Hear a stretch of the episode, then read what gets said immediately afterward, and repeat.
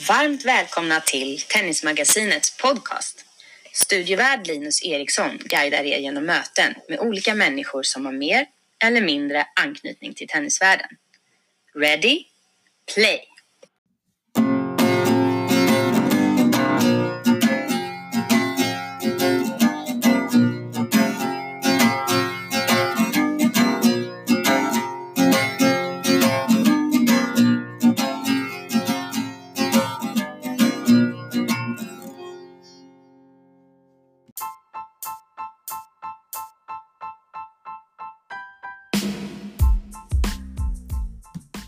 Hallå där allihopa!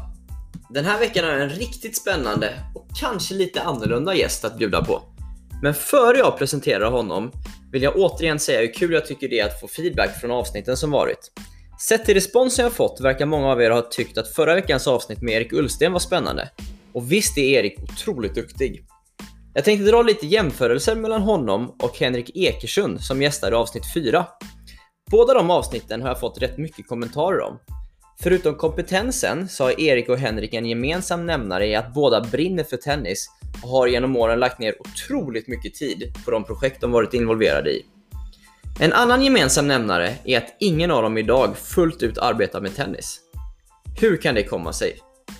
Vi pratar ofta om att vi ska ha rätt person på rätt plats för optimalt resultat. Hur kan vi då inte ha hittat rätt plats till någon av de två? Ska vi verkligen sätta Zlatan på bänken? Nu har jag inte frågat varken Erik eller Henrik, men är det kanske så att ingen av dem vill jobba med tennis? Mycket möjligt, men i så fall, varför är inte svensk tennis idag tillräckligt attraktiv att engagera sig i fullt ut för en person som brinner för just tennis? Eller är det helt enkelt så att eftersom både Henrik och Erik är personer som båda har åsikter och står för dem, blir för obekväma för svenska tennisorganisationer att ha att göra med? Vilket leder till följdfrågan, är det makt eller kompetens som styr svensk tennis idag?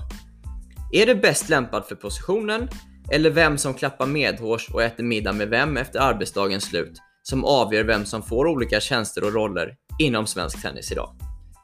Som sagt, jag ska inte prata för varken Erik eller Henrik, men jag tror det blir farligt om personer med enorm kompetens lämnas utanför för att dennes personlighet och åsikter är för starka. Hur som helst, nu till dagens avsnitt som jag verkligen längtat efter att få publicera. Jag fick äran att besöka fotbollsmagasinet Offsides kontor i Göteborg och sitta ner med en av magasinets två chefredaktörer, Johan Orenius. Johan är född 1982 i Motala och förutom att skriva om fotboll driver han ihop med sin kollega Anders Bengtsson Offsides podcast. Johan spelade mycket tennis som ung upp till övre tonåren och har under senare år tagit upp sitt spelande igen i Högsbo Höjds tennisklubb som han spelat seriespel för. Johan bevakade under flera år tennis för Expressen och nyhetsbevakade då ifrån flertalet större turneringar, bland annat ett antal Grand Slam. I vårt samtal kom vi in på flera intressanta diskussioner, bland annat om tennisen borde få mer utrymme i media, eller inte. Hur stort ansvar våra svenska stjärnor, till exempel Mikael Ymer och Rebecca Petersson, har att bjuda på sig själva för att öka medias intresse för sporten. Problematiken inom idrott kopplat till betting och läggmatcher, vad Sverige kan göra för att öka intresset för elitserien i tennis, samt eh, löneskillnader mellan fotboll och tennis. Jag tyckte det blev ett jätteintressant avsnitt och hoppas ni tycker detsamma. Nu, hög tid för Johan Orenius. Då har jag glädjen att hälsa Johan Orenius välkommen till podcasten. Tackar så mycket för det. Eh, Johan, vi sitter på Offsides kontor här i Göteborg. Hur mycket tid tillbringar du här på dagarna? Eh, det är ganska mycket. Eh, här jobbar jag full tid och ibland lite mer än så. Eh, vi är ju ett fotbollsmagasin, så eh, ibland är vi såklart ute på reportageresor och på matcher eller följer spelare eller klubbar. Men det här är moderskeppet som vi kommer tillbaka till hela tiden. Eh, och ehm, jag är här ganska, ganska normala tider, eh, jobbat på kvällstidningar och stora redaktioner där man mer kunde jobba lite när som helst och på nätter och så. Det här är mm. lite mera 9 5-aktigt förutom vissa perioder när vi ska kanske bli klara med nästa nummer och så. Mm. Men eh, jag är väl här så gott som varje dag skulle jag säga. Okej, okay. så det är liksom stötvis ni ute på fältet så att säga då eller? Ja, vi är inte så många. Vi är kanske tre personer plus att vi har en fotograf och en art director. Så eh, om någon är iväg på en reportageresa så märks ju det så att säga här inne. Så man måste ju vara lite smartare att vi inte kan vara borta samtidigt utan någon måste sköta den dagliga rulliansen. Eh, man man jag är journalist i grunden och älskar att skriva reportage men är man chefredaktör kommer det ju vissa andra uppgifter som kanske inte bara är att skriva texter utan man kanske sitter i annonsmöten eller sådana saker som jag eh, lite sådär viskande kan säga inte är det roligaste med jobbet men som man får ta det onda med det goda. Helst skulle jag bara vilja vara ute och eh, skriva artiklar hela tiden. Men okay. Eh, det är ett paket som ska fås ihop. Ja, just det. Just det, just det. Eh, du, du sa det, du är en av två chefredaktörer på Fotbollsmagasinet. Eh, hur mycket fotboll konsumerar du i vardagen? Ja, jag skulle säga att jag konsumerar kanske eh, betydligt mindre än vad man skulle kunna förvänta sig av en chefredaktör för ett fotbollsmagasin. Mm. Det är ju, jag är jättefotbollsintresserad i grunden och sportintresserad. Det finns ganska många inom fotbollen idag. Folk blir mycket mer nischade.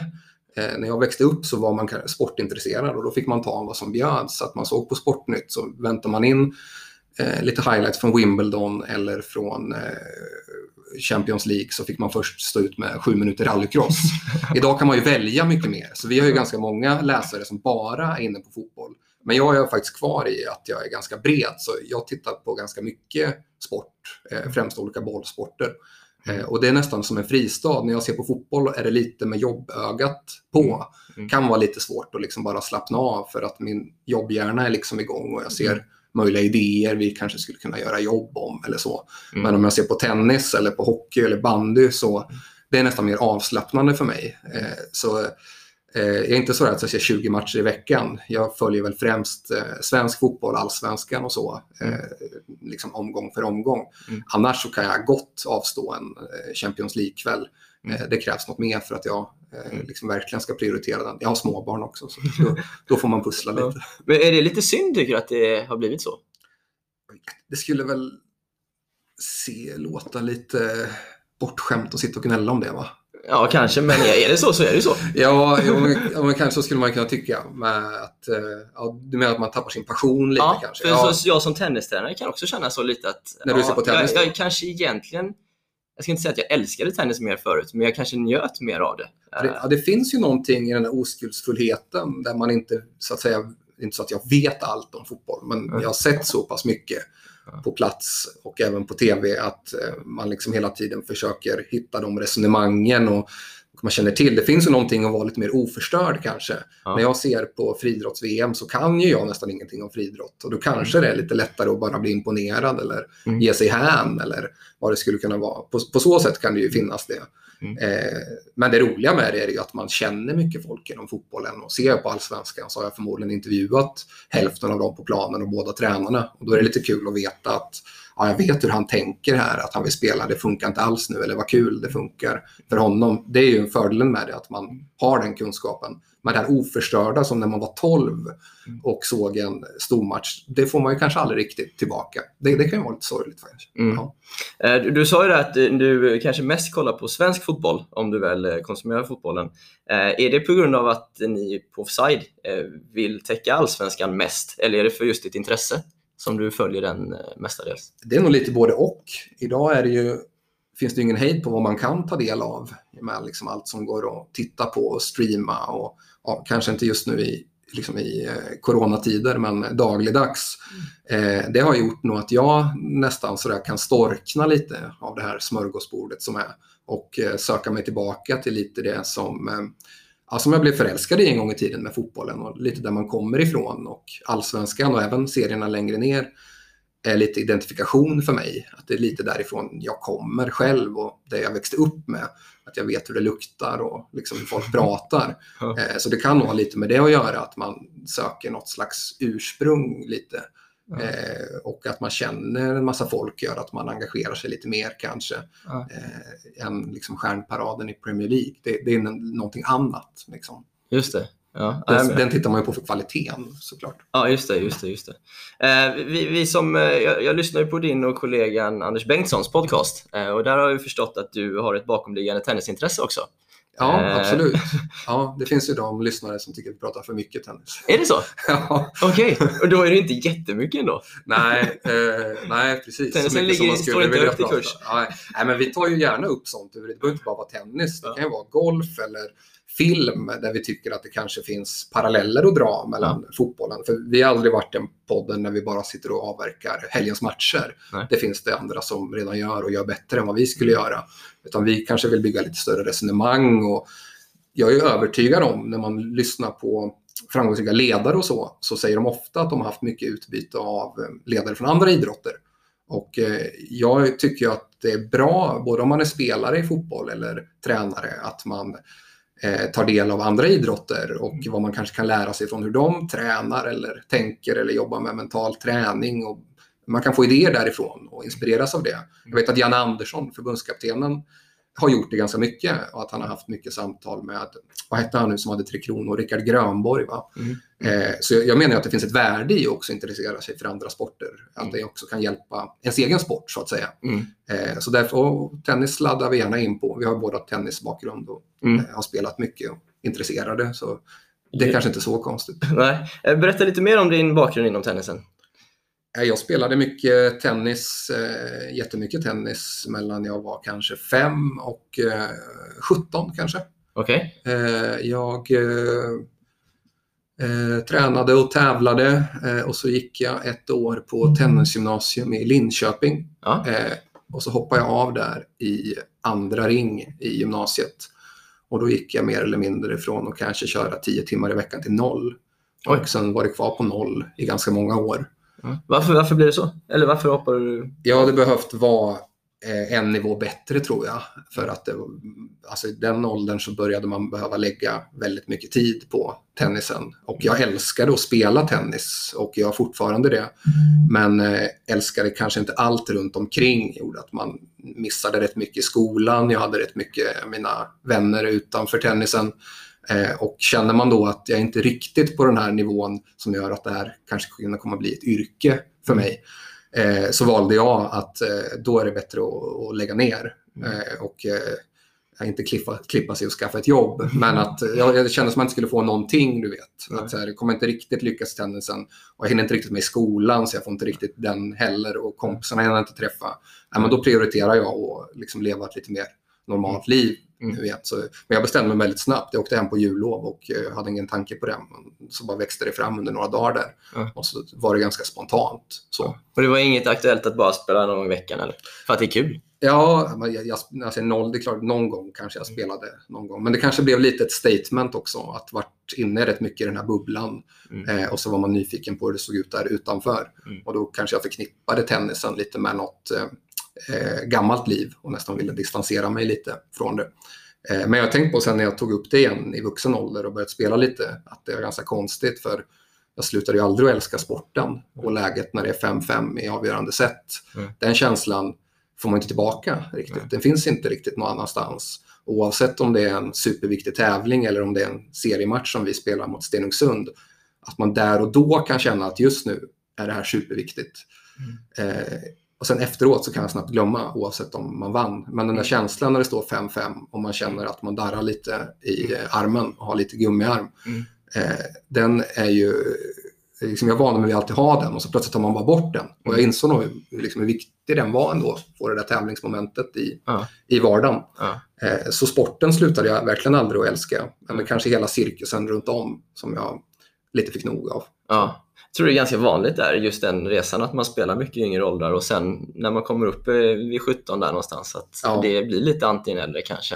Eh, Men, men det du sa nu med att du eh, kan spela en match nu och sen släpper det direkt efter. Ja, Är det, är, det positivt eller? Att man liksom, men det betyder allt här och nu, men Ja. sen kan man gå vidare. För jag tänker när man är yngre kanske man håller kvar det lite mer. Ja, verkligen. Det där har jag tänkt mycket på när eh, man började tävla och fick ranking väldigt tidigt. Ja. Speciellt det ändå var. Tennis, jag idrottar ganska mycket, spelar fotboll och så. Lagsporter så har man både tränare och lagkamrater som till stöd. Liksom. På en tennisbana är man väldigt ensam. Eh, man har ingen tränare där. Matchen kan hålla på i tre timmar. Man kanske ska döma själv om man är 11 år och det skiljer några bollar om man vinner eller förlorar. Eh, det är ju som upplagt för dåligt uppförande Ja. och det är ju väldigt mentalt pressande för en 11-åring eller 12-åring. Så står varsin förälder på varsin Exakt, sida av några läktaren också. idiotiska farsor Ja. som står där också. Så är det ju inte så många sporter som är så, kanske. Eh, och det där har jag tänkt mycket på om det var så bra. Jag var rätt besatt av den där rankingboken som kom hem i brevlådan. Det kändes ju häftigt liksom. Men det var nog rätt dåligt för mig till exempel. Tror jag. Ja. Att, eh, för jag blev väldigt medveten om det. Både när man, eh, om jag var tvåa i Östergötland och mötte ettan i Östergötland. Du vet, så är man lite för medveten om det. Och nästan mentalt kan bli lite nöjd med att förlora med 6-4, 6-3. För att veta att eh, det ser ganska bra ut ändå. Eller när man mötte sjuan i Sverige. Mm. Hade man inte vetat att man mötte sjuan i Sverige så tror jag att haft större chanser att vinna. För då hade man bara kört på liksom. Ja. Men nu vet man att den här är, folk kommer tycka det är bra om jag pressar honom lite. Ja. Eh, för jag vet precis vad han har för ranking och vad jag har för ranking. Ja. Jag, vet inte hur mycket, jag vet inte riktigt hur det där ser ut idag och hur det fungerar. Men eh, eh, för mig hade det varit bra att ha haft ranking betydligt senare tror jag. Och, och bara kört på och försökt vinna oavsett vem som står på andra sidan nätet. Liksom. De har ju faktiskt tagit bort rankingen nu helt i Sverige. Ja, det är så. Eh, De kallar det rating istället. Att Man, får, man blir ratad, men det finns ingen ranking att du är nummer tre i Sverige. Utan man får en viss Kategori. ja, kategori kan man säga. Ja. Och så är, ligger den till grund för sidning eller att komma in i tävlingar. Då. Eh, Men du kan aldrig veta vilken plats du är på egentligen. Om Nej. du kanske inte är bäst då, då kan man väl se det på något sätt. Ja, det Men, låter eh, lite mer sunt. Ja. Ja, kanske. Eh, Men hur ser din tennis ut idag då? Eh, jag spelar eh, eh, seriespel i sån här eh, herrar 35. Mm. Är man juniorveteran kanske? Ja, det Eh, kan nog hette det förr i alla fall, när man blev över 35. Okej, ja, jag har inte kommit dit än. Det är ett roligt paradoxalt ord. att man är juniorveteran. Ja, just det. Eh, jag spelade med Högst på Höjds tennisklubb Mm. eh, där jag hamnade av en slump. Det var faktiskt någon som spelade där som just lyssnade på vår podd och Mm. verkade precis som du då ha snappat upp att eh, han verkar ha spelat en del tennis. Mm. Eh, och så fick jag bara ett mejl om att vi behöver folk, vill du komma och spela? Och så gjorde jag det och då hade jag inte spelat förutom någon gång på sommaren på kanske tio år. Ja. Eh, och så märkte jag hur kul jag tyckte det var Mm. och eh, började spela där lite regelbundet. Mm. Så jag spelar seriespel med dem och eh, när det inte är serie så kör vi en gång i veckan. Jag hade gärna kört betydligt mer och kommer nog göra det när tiden blir lite mer. Jag jobbar mycket och har två barn. Så eh, då är det som det är. Pussla, Då får man stå över rätt ofta. Men eh, jag kommer definitivt spela mer när, när tiden ges för jag tycker det är skitkul. Ja. Och det är också, har märkt också, man spelar såklart för att det är kul men det blir nästan som ett, eh, för mig blir det som en mental dusch. Andra gillar kanske att gå på gym eller så. För mig, eh, jag har aldrig varit bra på det. Och tycker inte att, jag har ingen lust med mig när jag går in på gymmet. Men Mm. tennis tycker jag är jättekul. Mm. Och det är också en sport som gör att man eh, måste vara där 100%. Det går inte att tänka på något annat Mm. När man spelar tennis. Man reagerar på instinkt i en och en halv timme. Och det går inte att tänka på något jobbigt på jobbet eller något hemma. Det är bara de här innanför linjerna som gäller just där och då. Alla sporter är ju inte så. Alltså till och med när man joggar eller simmar går det väl att fundera lite på något som maler. Men tennis så går det liksom att stänga ute allting.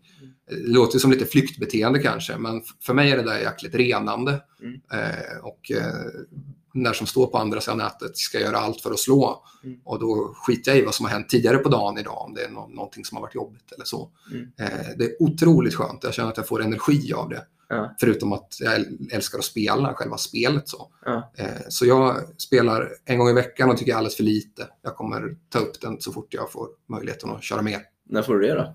Ja, Ja, det låter som att du vet att om en månad så... Det ligger lite på en själv att man är lite slapp. Jag skulle nog kunna klämma in några mer timmar om man hittar lite dagtid och så också. Eh, nej, jag borde inte bara skylla på att jag har dåligt med tid. Eh, jag får ta upp det nu direkt. Det är för roligt för att spela bara en gång i veckan. Det är rätt intressant där du säger att, man, att du spelar tennis för att du kan släppa allt annat som har varit då i, Mm. i vardagen. Så här. Jag tänker att det kan ju vara tvärtom också, att vissa kanske har svårt att släppa och förlorar matcher och, och så vidare på grund av att men jag kan inte vara här och nu kanske. Nej, Att det kan ju gå åt båda hållen. så kan det säkert kan jag vara. tänka mig. Ja, absolut.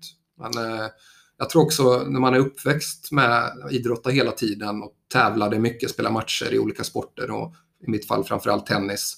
Sen bara avslutar man det, i mitt fall när jag var 17.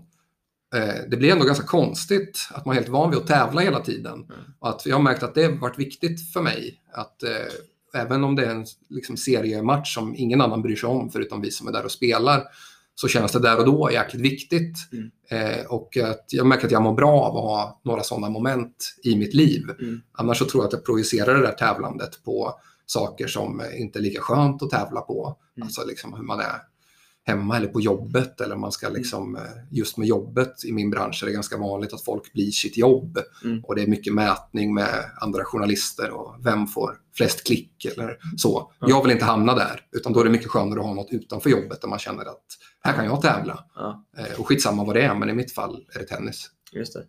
Hur, in, hur insatt, eller hur mycket följer du tennisen idag i övrigt? Alldeles för dåligt. Eh, alltså fotboll är ju mitt jobb att hålla koll på och Mm. Fotbollsindustrin är inte liten. Nej, det är inte. Det är inte lätt att hålla koll på den. Det är ett jobb att bara hålla koll på den svenska fotbollen. Men Mm. vi ska dessutom eh, skriva internationella reportage. Och, Ja. Så den kräver väldigt mycket. Så jag ser bara tennis eh, när jag verkligen är ledig och har tid. Och, eh, sen är det ju tyvärr så där att när man tappar det lite grann Mm. så är det lite svårt att hitta in igen kanske ibland. Mm. Att eh, när man liksom förr såg nästan varenda ATP-turnering som gick på tv, VTA-turnering, om man slutar göra det, då blir man lätt den där som checkar in framåt semin i Wimbledon och Mm. sätter sig för man eh, har missat en generation kanske som kommer efter. Och så Mm. blir man lite bekväm, men det är fortfarande Federer, Nadal och Djokovic. Mm. Men de som kommer under där engagerar man sig inte riktigt samma sätt i. Mm. Så när man väl tappat så kan jag märka att det är lite svårt att hitta intresse för och plötsligt sitta och första, följa första omgången i Key Biscayne. så. Men du vet ändå, du kan, kan ju ändå tävlingarna. Ja, men alltså, jag har ju sett sjukt mycket. Jag var ju även ute och skrev om tennis ganska mycket Ja. eh, på, Ex- på Expressen, så det. det, det kan jag ju. Ja. Men jag har ju dålig koll på eh, liksom de som kanske är unga och heta nu Mm. och eh, på både herrar och damer Mm. egentligen. Så den kollen har jag ju inte alls längre, Nej. tyvärr, utan jag har ju blivit en sån som checkar in för de stora matcherna rätt mycket. Just det. Och svensk tennis då? Vet du, hur mycket vet du om svensk tennis idag? Och din bild av hur den, hur den mår? Nej, jag vet väl inte mer än någon annan som följer den med liksom, intresse utanför bubblan. Liksom. Att jag, jag följer med och ser ungefär hur de bästa eh, gör, gör ifrån sig på, i de stora tävlingarna eller på, på rankingen. Och Ja. Ibland så klickar jag in och ser eh, lite resultat i de högre serierna, om det är någon elitserie eller så. Ja. Men eh, någon koll har jag ju inte direkt. Jag kan ju se att, som vem som helst att Rebe- Rebecca Pettersson har en bra höst och vad kul. Så. Och liksom, hur går det för Ymer nu? Ja. Men eh, jag, jag vet inte liksom vilka som kanske skulle kunna vara de nästa möjliga stora namnen. Eh, är, alltså förutom det man får via, via de som skriver om tennis. Just så, det. alldeles för dålig koll skulle jag säga. Ja. Eh, Du berättade att du, du jobbade på Expressen för, före du var, kom till Offside Mm. eh, och bevakade bland annat eh, tennis förstod jag. Eh, Ja, Kan du berätta lite mer om den tiden? Eller hur den tillvaron såg ut? Ja, jag, jag ska säga att jag, jag bevakade främst fotboll där med, men även en del andra idrotter. Och eh, de visste ju att jag var väldigt tennisintresserad och hade spelat själv. Eh, och eh, det var väl framför allt då när eh, Robin Söderling gick från att vara eh, liksom topp 50 till att verkligen bli att räkna med på topp 10 som, eh, som det var värt att skicka ut någon på de stora turneringarna. Så Mm. det var väl i alla fall ett eller två år då jag åkte på vad var jag på? Jag var på Australian Open, franska och Wimbledon. Jag var aldrig på US Open. Mm. Eh, och så var jag på några sådana här masterslutspel i London. Mm. Eh, och Båstad har jag varit på flera gånger, Stockholm Open och sådär Ja. förstås. Bra Eh. tävlingar du varit på. Ja, det får man ju säga. Verkligen. Ja, verkligen. jag, jag, har fortfarande, jag har inte varit på US Open heller, eh, privat heller, så den har jag kvar. Ja, ja. Men de andra var ju grymma och eh, det var ganska lyxigt att vara utsänd. Eh, liksom Expressen, det är ganska stor press att jobba på kvällstidning. Eh, man ska producera väldigt mycket och eh, det ska vara vinklar som folk ska köpa. Men tennisen hade folk inte lika bra koll på. Mm. Och när, så när man var i Melbourne på Australian Open, förutom att man ska skriva om Söderling, så var det väldigt stor frihet faktiskt. Man kunde, jag kunde välja vinklar själv. Ville jag, sa jag att Janko Tipsarevic är en intressant kille för han har en han läser filosofen Schopenhauer så kunde jag få skriva om det. För att eh, de hade inte lika bra koll som jag. Ja. Så tennisen var ganska lyxig tyckte jag. Medan i fotbollen var det mycket mer annat att nu måste vi ta hem den här domartavlan. Ja. För det kan alla se det har hänt. Ja. Eller så vi måste skriva om den här syndabocken. Men här fick man bestämma mycket mer själv. Men var det för att de egentligen inte brydde sig? Nej, men de, de gillar nog tennis. Det finns ju liksom ett jättestort latent tennisintresse märker man ju bland sportintresserade svenskar som Mm. blossar upp ifall det går bra för någon svensk. Men de är bortskämda för de är vana vid 80-talet och Mm. eh, 90-talet kanske. Eh, Så det gör det ju, men de har ju inte kollen alls Mm. på vilka som är eh, liksom strax utanför de bästa eller Mm. trender i tennisen. Mm. Så då, då är de ju bara tacksamma om en reporter kommer med ett uppslag. Mm. Jag minns att jag gjorde något så här jobb om serve och volleyspelarens eh, att han skulle vara en utrotningshotad art. Mm. Eh, och det, är liksom så här, det är skitkul att få göra ett sånt jobb. Ja. Jag minns att jag pratade med fransmannen Lodra som var bra både i dubbel och singel och han var då en av de få som fortfarande praktiserade serve och volley. Ja. Och det tyckte han var skitkul att prata om för Mm. han var ju bara van att få frågor om sin senaste match. Ja. Eh, och så kunde jag bygga något historiskt med varför blev det så? Vi Ja. uppväxta med massa serve och volleyspelare. Så Ja. Den typen av jobb var ju guld att få göra där man bara kan intressera sig på ett nördigt sätt. Så. Eh, Så jag tyckte det var jättekul att vara ute på de här tennisturneringarna. Att skriva om Söderling var egentligen den tråkigaste biten. För det kan ju nästan vem som helst göra. För att han var tråkig? Eller? Nja, ja, det var han ju lite om jag ska vara stenhård. Nu vet jag inte om du har lyssnat på hans Jag sommarprat. gjorde det igår här faktiskt. Ja, där faller ju mycket på plats tycker jag. Mm. Men eh, nu kanske vi halkar ifrån ämnet lite, men eh, för honom, jag förstod ju aldrig riktigt Söderling och jag tror vi var några som kände så lite utanför. Jag såg ju honom på tävlingar när jag var junior, han var två år yngre än mig. Jag mötte honom till och med en gång. Och sen har jag intervjuat honom flera gånger och följde honom där. Men man kände ju aldrig att han gillade så mycket att bli intervjuad och var ganska stängd och hade ganska mycket tunnelseende. Och det bröt ju av ganska mycket från vad det hade varit för tradition innan. Man var uppväxt med du vet, den här Davis Cup-kulturen, massor Mm. svenskar och det är practical jokes och det är Gusten och Larsson och de är avslappnade och har glimten i ögat och så kommer han där och är liksom så här, det är bara jag som gäller. Det pratade han ju själv om i sitt sommarprat och sa att han hade en ganska så egoistisk inställning och såg lite folk runt om som fiender. Mm. Och det kändes även som att det gällde journalister. Han var skitsvår att intervjua för det kändes inte... En bra intervju bygger lite på att den andra inte hatar att sitta och få frågor. Mm. Men han, man kände alltid att han ville få det där överstökat. Ja.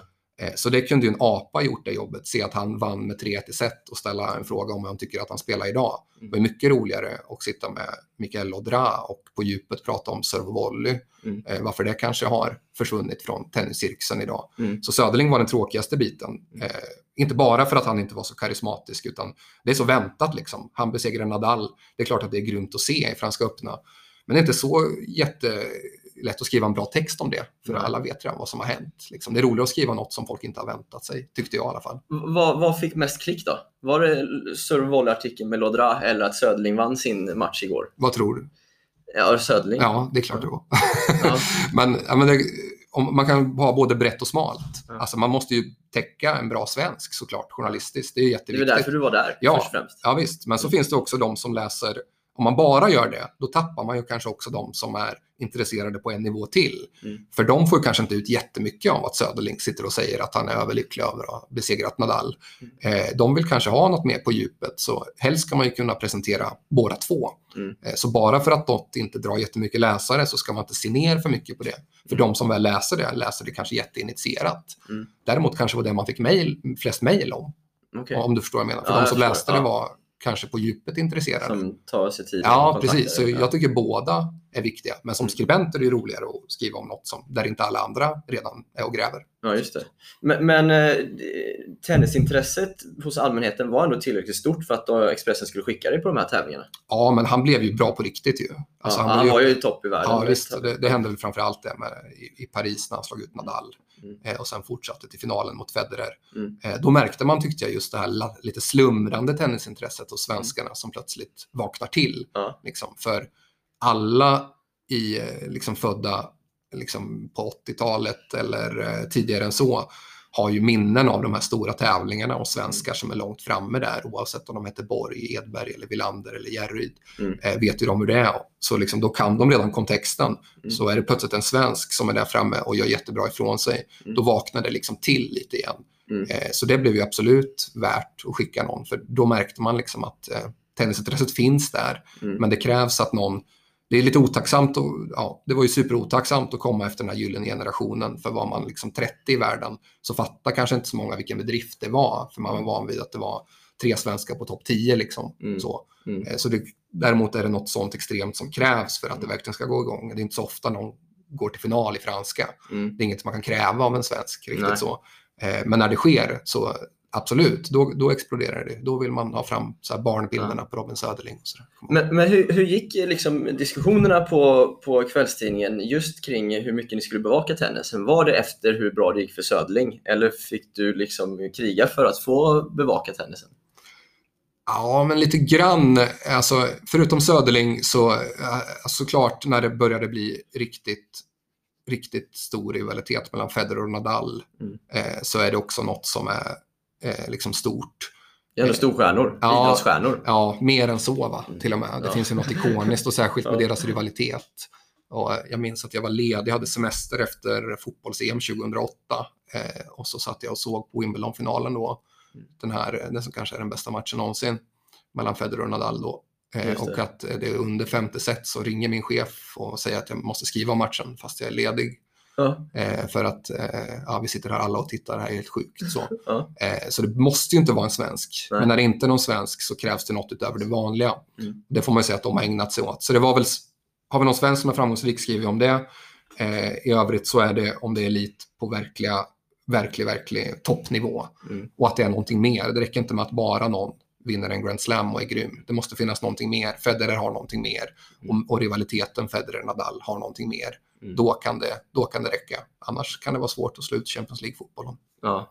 Så liksom att det är till exempel att det är du, svenska spelare idag som gör något okej resultat, det, är- det är inte folk intresserade av eller? Ja, det är ju svårt. Alltså jag minns att jag, jag skrev en del om Davis Cup också. Och jag minns att, eh, tror det var Robban Lindstedt som då och då kunde muttra ur sig någon vinkel över att han var, tyckte det var eh, skandalöst att det skrevs så lite om tennis. Och jag tror han ibland jämförde med fotbollen just. Att eh, jämför man, eh, nu, parafraserar jag, Mm. jag minns inte exakt vad han sa, men andemeningen var ju att tennis är en världssport. Eh, och det skrivs alldeles för lite om det. Jämför med fotbollen där det kan skriva om allsvenskan hur mycket som helst. Vad är en mittfältare i allsvenskan? Är han ens bland de tusen bästa fotbollsspelare i världen? Menar Robert Lindstedt då. Nej, det är han ju inte. Men, men här finns det folk som är bland de hundra bästa tennisspelarna i världen. Men ni skriver nästan ingenting. Mm. Men det är ett dåligt, eh, som ett tips till sådana som tänker så. Mm. Att, så man kan inte skriva folk på näsan. Folk måste få tycka vad de tycker. Mm. Att man kan inte jämföra på det sättet. Eh, men de har ju ett ok i och med det extrema framgångsrika liksom Mm. 70, 80 och 90-talet som gör att det alltid kommer mätas vad folk än säger mot det. Eh, som gör att det kanske krävs då att om någon är, alltså Ymerbröderna är ett jättebra exempel varför det inte skrivs ännu mer om dem. Mm. Alltså, här är då liksom två bröder med en bakgrund också som är inte helt eh, lik vad många andra svenska tennisspelare har haft. Mm. Eh, de är brorsor och de kommer fram tidigt och de är riktigt, riktigt bra. Mm. Men ändå biter det liksom inte. Alltså, jag skulle inte säga att de är folkliga. Jag tror inte jättemånga som är lite halvt sportintresserade har koll på vilka de är. Mm. Det är klart att tennisfolk vet vilka de är.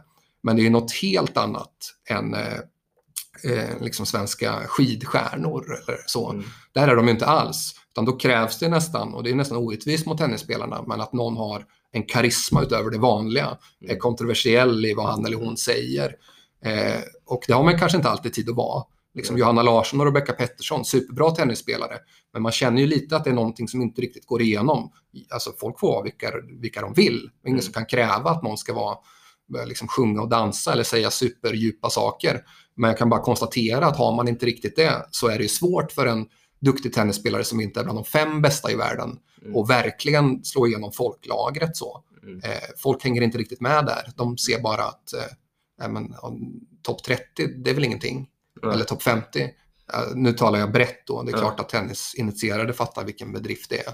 Men Mm. annars så, så här, ja, de är inte hemma så ofta. De spelar, ja, det går bra borta i Asien. Man följer lite på text-tv. Mm. Vet att någon går. Men man får liksom aldrig chansen att lära känna dem och skapa en, en relation. Liksom.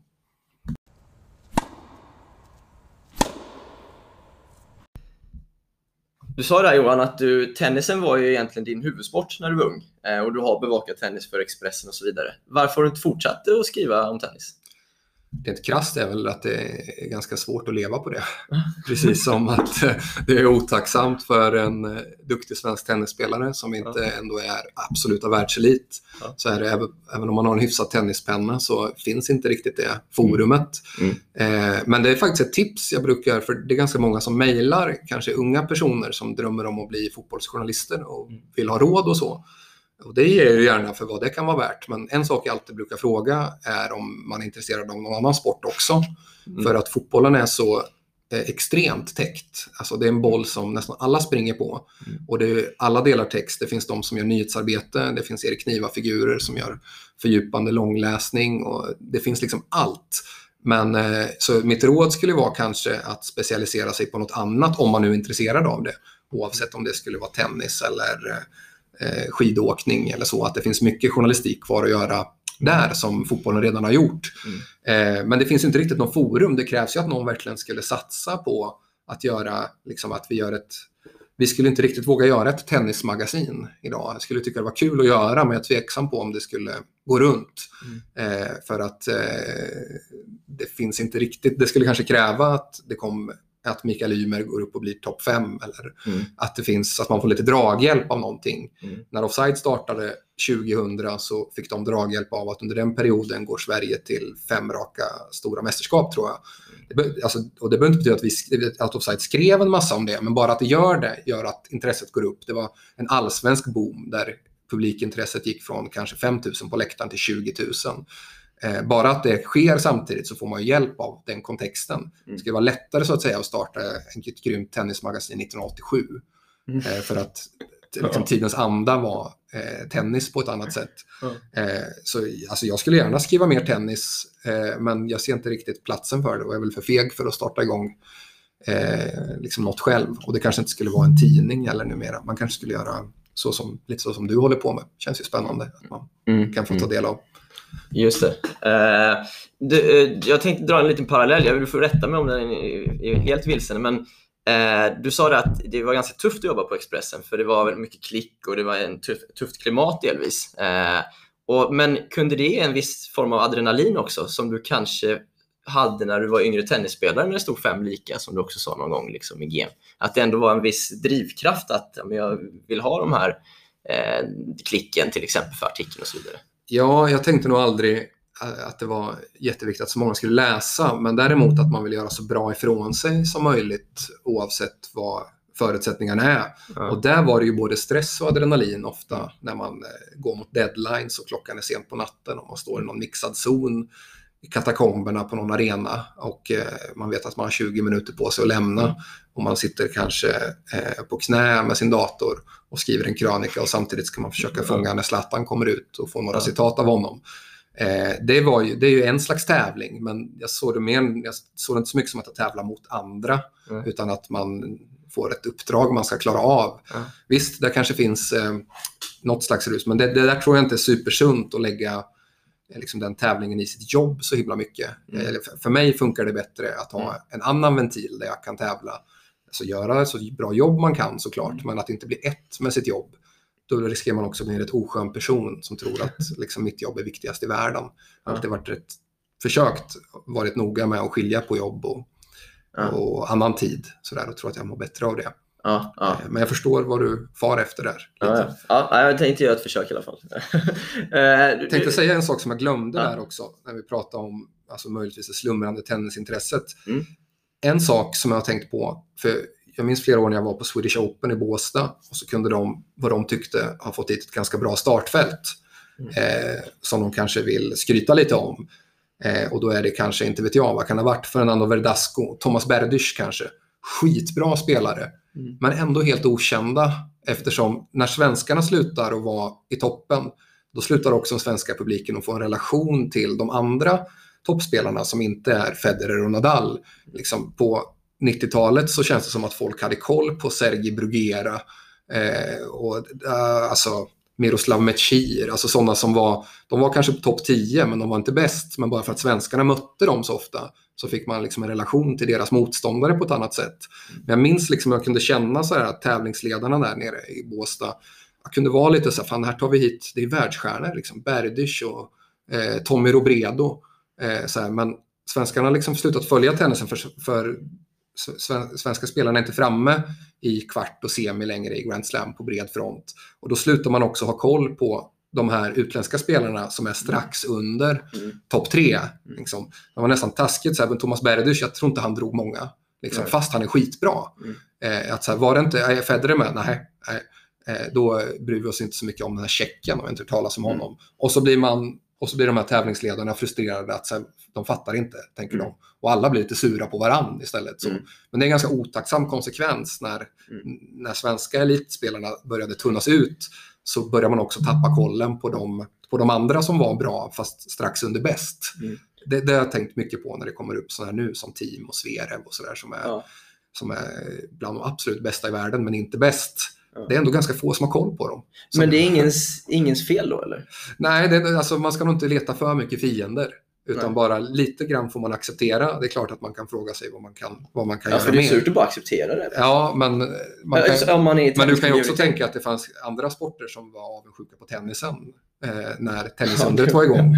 Ja, som tyckte att varför skriver ni aldrig om oss? Ja. Ja, liksom så att om man bara letar fiender så blir det nog jobbigt för en också. Att mm. Lite får man också eh, acceptera och tugga i sig och försöka göra det ännu bättre bara. Men om man säger då som Mikael Ymer nu och Rebecca Petersson är ändå topp 100 mm. och har haft sina bästa år eh, kan man säga sista 12 månaderna. Mm. Borde de inte få mer uppmärksamhet ändå?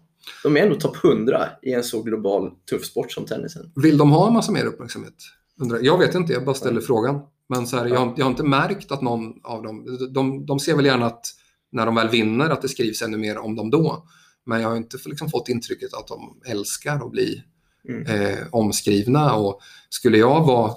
Alltså tennisen och individuella idrotter är lite speciella för att eh, om någon vinner matcher så skrivs det artiklar om det.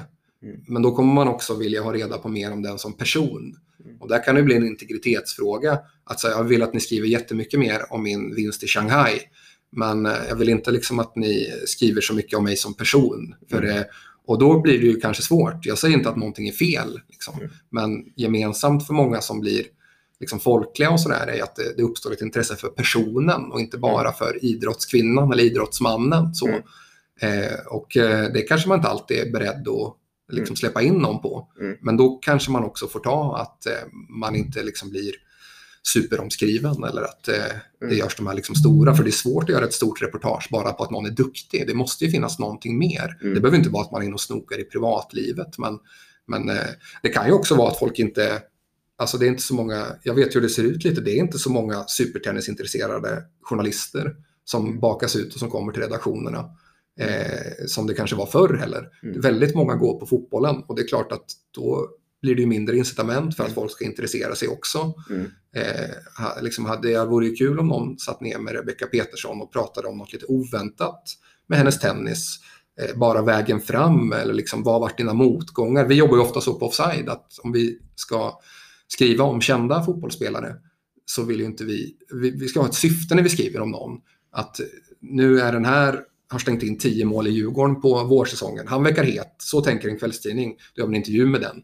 Men vi vill ju också vi vill liksom ha en anledning varför vi skriver om någon, mer än att någon bara är bra.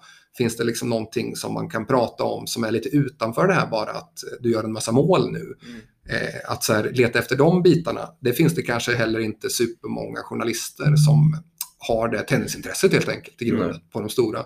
Mm. Eh, som skulle behöva väckas till liv igen. Mm. Och så har man kanske spelare som inte liksom är jättesugna på att prata om annat än liksom senaste matchen och då blir det lite svårt. Men, men om vi säger om tennis-Sverige, som jag vet att suktar efter mer utrymme och att synas mer och höras mer om. Eh, och så har vi två individer som är topp 100, som är våra stjärnor nu får man ändå säga.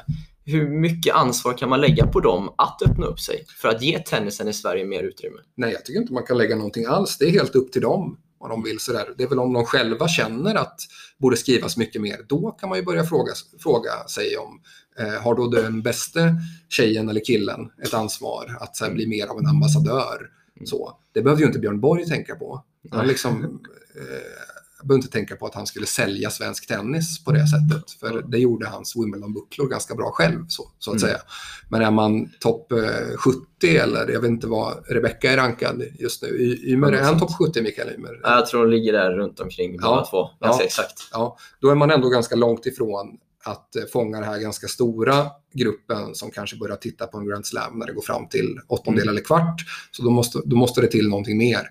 Eh, och eh, jag skulle aldrig säga att det är upp till en sån idrottsman att eh, ha det ansvaret. Men om den idrottsmannen känner att eh, det borde skrivas mycket mer om tennisen, då kanske man kan fråga sig vad kan jag göra då? Mm. Som egenskap av att jag är bäst nu. Kan jag liksom ha, bjuda in mer och bjuda jag har ett Instagramkonto kanske, kan jag börja bjuda på lite behind the scenes eller vad kan jag göra för att väcka lite mer det som inte kan få bara i ens vanliga flöden. Mm. Så, då kan man ju börja ställa sig den frågan. Mm. Men det är inte så att jag skulle säga från början att någon har ett ansvar. De har väl fullt upp med sin, med sin karriär. Liksom. Mm. Och det är klart att det var mer tacksamt för det där det fanns tio andra svenskar tillsammans på topp 100 som kunde ha draghjälp av varandra. Liksom, så. Ja. Det- Det blir ju en helt annan grej. De här blir ju mer som, ännu mer som individuella idrottare. Ja, ja, ja verkligen. Eh, jag tänkte byta lite spår här. Eh, du, du nämnde det att, eh, eller Offside följer allsvenskan eh, väldigt mycket i, i Sverige. Eh, men hur mycket, mycket vet du om eh, elitserien i tennis? Ganska lite. Det, den var ganska mystisk för mig länge. Eh, för man visste inte riktigt vilka som spelade där. Och på tiden när det fanns ännu mer svenskar ute i världstoppen eh, så kändes det som att det var ganska dåliga spelare för man var ju bortskämd. Man fattade inte Det var ju helt galet ibland. Ja, men, ja, men när det kunde vara, inte vet jag, men sju svenskar framme i eh, Ja. åttondel eller vad det var i någon Grand Slam så tänker man ju inte på vilka som spelar elitserien. Det måste ju vara bottenskrapet, tänker man ju då. Medan Ja. nu tänker man att där spelar de bästa då. Så Mm. Jag har ingen koll på det alls, men att jag ser, jag brukar följa resultaten när de här stora sammandragen Mm. eh, och liksom och se vilka klubbar som vinner, mer eller Mm. mindre. Och så tänker jag på hur tufft det måste vara för de här spelarna som kanske fortfarande också har ambitionen att vara ute och spela lite utanför Sverige. Ja. Vilken, eh, vilket tufft liv det måste vara. Lägga ner så himla mycket på sin idrott och få och ha det så svårt att gå runt Ja. ändå. Så jag är Vad- imponerad av dem. Vad tycker du själv om att det är så stora ekonomiska liksom, klyftor inom tennisen? Jämfört med fotbollen där man, de, ja, många hundra kan leva på det bara i Norden till exempel, eller i Sverige till och med. Ja, precis. Jag försökte ju ofta förklara det för för det, förr i alla fall fanns det ju rätt mycket som en stämpel med att tennisen, där var det mycket pengar i Mm. omlopp. Tennisstjärnor, det var rika personer, de bor i Monte Carlo. Inte Edberg, han bor i London för han gillar inte Monte Carlo. Men så här, att, då försökte jag alltid säga då att eh, det är snarare ett väldigt hierarkiskt system då. Att eh, lyckas du och blir bland de bästa, då tjänar du jättemycket pengar. Nu gnäller Novak Djokovic om att han måste komma med en tränare bara till US Open. Ja. Och så tänker man att så här, men går du ner några steg så har folk inte ens råd med tränare. För att i tennis så bekostar du din egen tränare och dina egna resor. Visst, du kan få lite hjälp av sponsorer, men du är arbetsgivare mer eller mindre.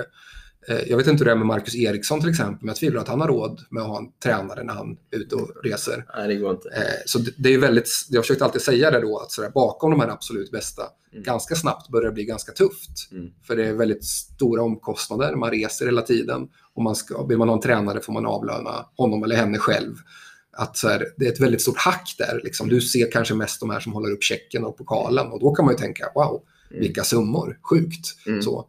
Eh, men gå ner bara några steg eh, och jämför med den 200 bästa fotbollsspelaren så har ju fotbollsspelaren det rätt mycket fetare. Mm. Eh, det, det gör det också lite spännande såklart, för man tänker att hade jag varit journalist idag och skulle starta den här tennistidningen då, leker med tanken att starta Tennismagasinet och ute vill Mm. göra reportage, då hade jag förmodligen börjat med att göra reportage bland de som är 300-400 i världen, Mm. där det är lite äta eller ätas och där man slåss om för att bryta in i det här. Mm. Och jag kan tänka mig att det förekommer en hel del tjuv och rackarspel, mygel. Det framstår som en mer journalistiskt spännande arena för mig att komma till än att se på en semi i Wimbledon som man mer Mm. kan se för sitt höga nöjes skull. Mm. Det är egentligen så vi tänker på Offside med, att vi skriver inte så mycket om Champions League eller Premier League eller Serie A. Vi kan ju se en sån match som vem som helst för att det är kul att titta på.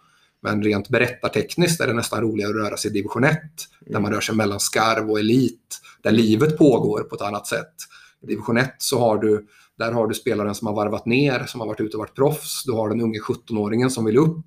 Du har talangen som inte riktigt har vågat flyttas från Värnamo. Där finns jävla många historier. Mm. Och de historierna skulle jag ju leta efter lite mer eh, i det där skiktet mer. Mm. Där folk slåss verkligen mot varandra för att få den här skjutsen upp Mm. mot liksom, ära och berömmelse och pengar. Men Ja. det inte har skett än. Ja, det är där de flesta ligger i tennis. Ja, det är ju det. Precis. Men det har nog inte så många jättekoll på Nej. kanske.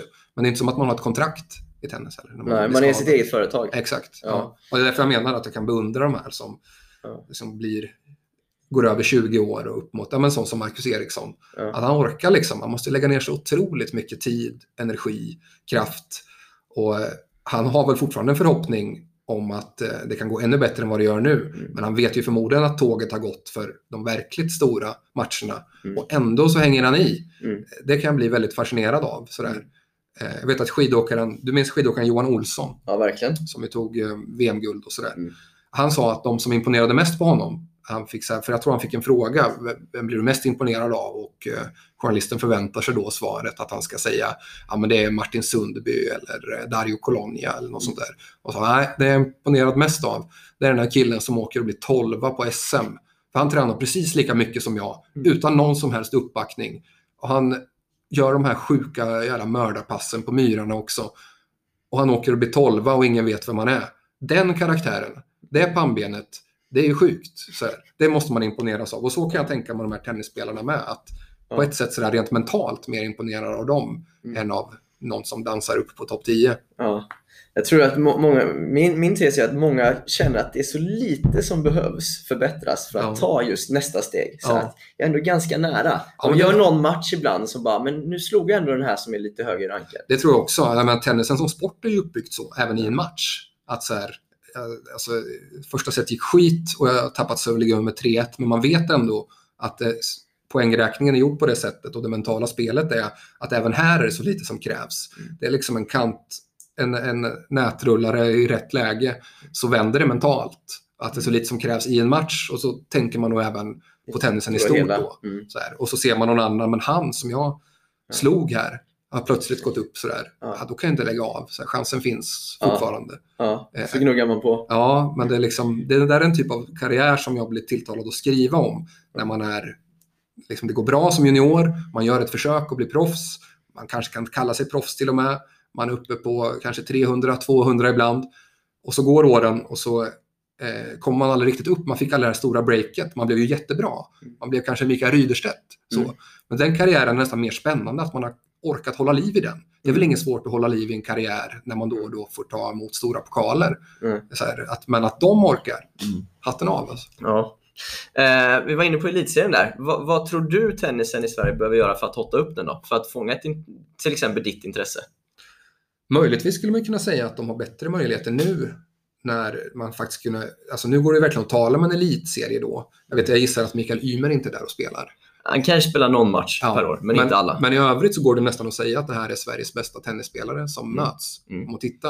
Eh, det kunde man inte riktigt säga förr, för då visste man på något sätt att de bästa är någon annanstans Mm. när det här pågår. Mm. Eh, men jag, får, jag, jag talar lite utanför min eh, expertis här nu, känner Mm. jag. För jag, jag har inte den bästa kollen där, men jag kan ju se att de har de här stora sammandragen. Mm. Jag märker i alla fall inte i mina flöden om att det är på väg att något ska ske. Jag ser kanske att det har varit och går in och kollar själv. Mm. Jag märker inte jättemycket i form av PR eller Mm. så här reklam att här, här ska komma och bli grym tennis. Eh, så det kanske är något man ska börja titta på. Mm. Eh, så där, vad man kan göra mer för att eh, det här är den bästa tennis du kan få se Mm. Sverige just nu. De har ju också, jag menar i allsvenskan har du ju för de som inte är intresserade av fotboll men kanske är intresserade av tennis är det rätt lätt att kasta skit på allsvenskan. Hur kan folk gå och titta på? Det är så, alltså, de kan inte få upp tre passningar. Mm. Skillnaden är ju förstås att du har en massa supportrar där Mm. som bryr sig jättemycket om klubbarna de spelar för. Mm. Det är ju ingen som har fair play TK tatuerat på sin biceps direkt. Så, att, så här, man har ju inte det här naturliga följet med supportrar. Liksom. Ja. Då blir man ju mycket mer beroende på att produkten som levereras är någonting som folk verkligen tittar på. Mm. För nu kan det ju gå en folk man kan gå och kolla på ett Stockholmsderby. Ah, jag kanske inte så superkoll på vilka som, vilka som spelar de här lagen, men det är en spännande upplevelse rent Ja. estetiskt. Och folk drar folk på det sättet. Mm. När Båstad var som störst, att ja, men det är kul att gå dit. Jag vet inte riktigt vad de här spanjorerna är, men så här, kul ställe att vara på. Liksom, Mm. så. Elitserien blir mycket mer beroende på att tennisen som sådan, det är Mm. den som ska dra dit folk. Mm. Eh, och det vore ju löjligt om de, så där, de kommer inte kunna sälja de här spelarna hur duktiga de än är på att så här, eh, att de här ska vara något annat än vad de är. De måste ju, de måste ju fokusera på vad de har att erbjuda Sveriges bästa tennis. Mm. Så, det är där man måste börja i alla fall och fråga vad man kan göra mer av det. Då. Mm. Men det är, där, det, det är där de har att spela med. Vi, har, vi kan erbjuda Sveriges bästa tennis på svensk mark. Det borde- Tråkigaste risk, förutom när det är ATP-turneringar i Sverige. En liten notis. Ja, men, men så här, och få folk medvetna att här kan du se, är du intresserad av tennis, det här är nästan det bästa du kan se. Ska Ja, du inte gå och kolla? Liksom så. Att Mm. få lokaltidningar att skriva mer när det är kanske Ja. så. Så där hade väl jag börjat. Liksom. Så. Om man tänker tennisen i helhet då. Det har ju liksom varit en del snack om hur man kan göra den mer attraktiv för tv och så vidare. Att korta ner matcherna och det ska gå snabbt mellan Ja, där får nog du utbilda mig. Hur går snacket? Vad, Nej, men det, har, det har ju testats lite olika grejer. Ja. Till exempel på eh, Next Generation-slutspelet har de ju experimenterat lite. Det är de åtta bästa i världen. Eh, Junioren, eller ja, yngre spelarna får man säga. Inte juniorer, men yngre spelare. Eh, de har provat liksom att de får headset och prata med coacher i sidbyten. Det har liksom varit tidsklocka mellan poängen. De har lekt med kortare set. Ibland har man lekt med no-ad, 40 lika avgörande boll och så vidare. mm. Eh, för att göra det lite mer attraktivt för, för tv-publiken Ja. eh, framförallt. Då. Har det fått någon effekt då? Eh, jag, jag tror att många har tyckt det varit ganska coolt. Så att, ja, men, eh, ett roligt evenemang, men det har nog fastnat lite i att vi vill nog inte ha det så jämnt. Eh, men liksom, det är kul någon gång per år. Eh, och de har ju också testat lite under Laver Cup, eh, Federer som varit vinnare i den tävlingen, att göra det lite mer i lagform. De får Mm. coacha varandra och, och de spelar ihop eh, som ett lag lite mera. Mm. Eh, och jag tror många har tyckt det varit ganska uppfriskande Ja. stundtals. Men eh, att man kanske inte skulle vilja ha det så på daglig basis. Nej. Eh, är väl min uppfattning vad det har fastnat i. Det är någon slags testballong på. Ja, lite testballong så här, men de har ändå varit inne på det. Det har varit mycket snack om att ta bort en serv. Det har man inte gjort. Eh, ta bort nätserv, eh, Mm. som på college-tennisen till exempel. Mm. Eh, så man har lekt lite med tankar. Mm. Vad tror du? Jag tänker att det där alltid har funnits eh, olika sätt på där folk är oroliga för att, att det inte är tillräckligt attraktivt. En gång i tiden så var det ju att eh, man var rädd för att eh, det var för tråkigt spel för det var för mycket servkanoner. Mm. Det är liksom det, ingen vill se på en match, det blir bara en service. Vad kan vi göra? Vi kan göra långsammare banor, tyngre bollar eller vad det kan vara. Det var snack om att, komma ihåg att man skulle ta bort bara med en serve, minns jag Mm. någon så här lanserade. Det kommer alltid dyka upp sådana farhågor tror jag, som man motar. Jag tror det är farligt att styra bort för mycket från vad tennisen är. Mm. Eh, Liksom så här. Man får ju också tänka på att det vore ju konstigt om man inte brottades med vissa problem med tanke på att utbudet är så himla mycket större. Mm. Alltså konkurrensen från andra sporter, att folk kan ta del av på ett helt annat sätt. Mm. När man säger sådär att eh, med svenska tv-siffror att eh, ja, när det var Wimbledon 80 så satt 4 miljoner och titta eller när det var Davis Cup eh, 88 så, så, så kunde inte Aktuellt börja för det var så. Det stämmer ju, men det Mm. stämmer ju också att det inte visade så himla mycket annat. Nej, Eh, exakt. alltså vill man se på tv så kanske man kollar på tennisen. Ja. Idag med utbudet hade kanske den personen valt att kolla på MMA istället samtidigt på någon betalkanal. Eller så. Ja. Utbudet i sig är ju såklart en garant för att konkurrensen blir mycket tuffare. Jag tror inte man får bli för stressad av det och tappa bort sig själv för vad man är. Mm. Tennisen har ju så många fördelar, inte minst som tv-sport, att den är så estetiskt enkel och tilltalande, även för en som inte är så himla kunnig. Det är väldigt enkelt att förstå. Man, till skillnad från fotboll ser man hela banan, man har jättebra överblick, man kommer nära spelarna, ser deras ansiktsuttryck på ett helt annat sätt än i hockey eller vad det nu Mm. kunna vara. Man förstår ganska snabbt, det tar inte så lång tid att lära sig poängräkningen. Eh, liksom, styr man för mycket bort på vad man redan har, då andas det också lite dåligt självförtroende för mig. Det är väl helt okej att testa några sådana här Mm. grejer och se hur det lirar, men, sådär, men, men blir det för eh, liksom mycket mixande med det där Mm. så tror jag att man eh, dels inte vinner så mycket mer på det och så kommer man också göra tennispuritaner sura som menar att man liksom lite mycket blir en vindflöjel Ja. och det andas lite dåligt självförtroende. Så jag vet inte, har de så stora problem internationellt sett? Alltså, det vore ju konstigt om det inte gick ner med tanke på vad mycket mer man kan ta del av idag. Så, Ja, det- så tänker jag mer. Det vet jag inte, Att- men eh, ja, kanske. Att man inte ska leva kvar för mycket i och tänka att eh, hur det var förr. ja. Liksom så. Men att eh, tillräckligt många intressenter finns det väl fortfarande som jag kan se det. Att det går ner vore konstigt om det inte gjorde. Just det. Liksom när det är skidskytte på andra kanalen och det är Champions League på den tredje kanalen. Ja. Och det är boxning på den fjärde och så är det SM-veckan i Sollefteå på SVT. Ja. Eh, det vore konstigt om de inte tappade lite siffror. Mm. Liksom så. Tappa inte bort det själva bara för det, säger jag.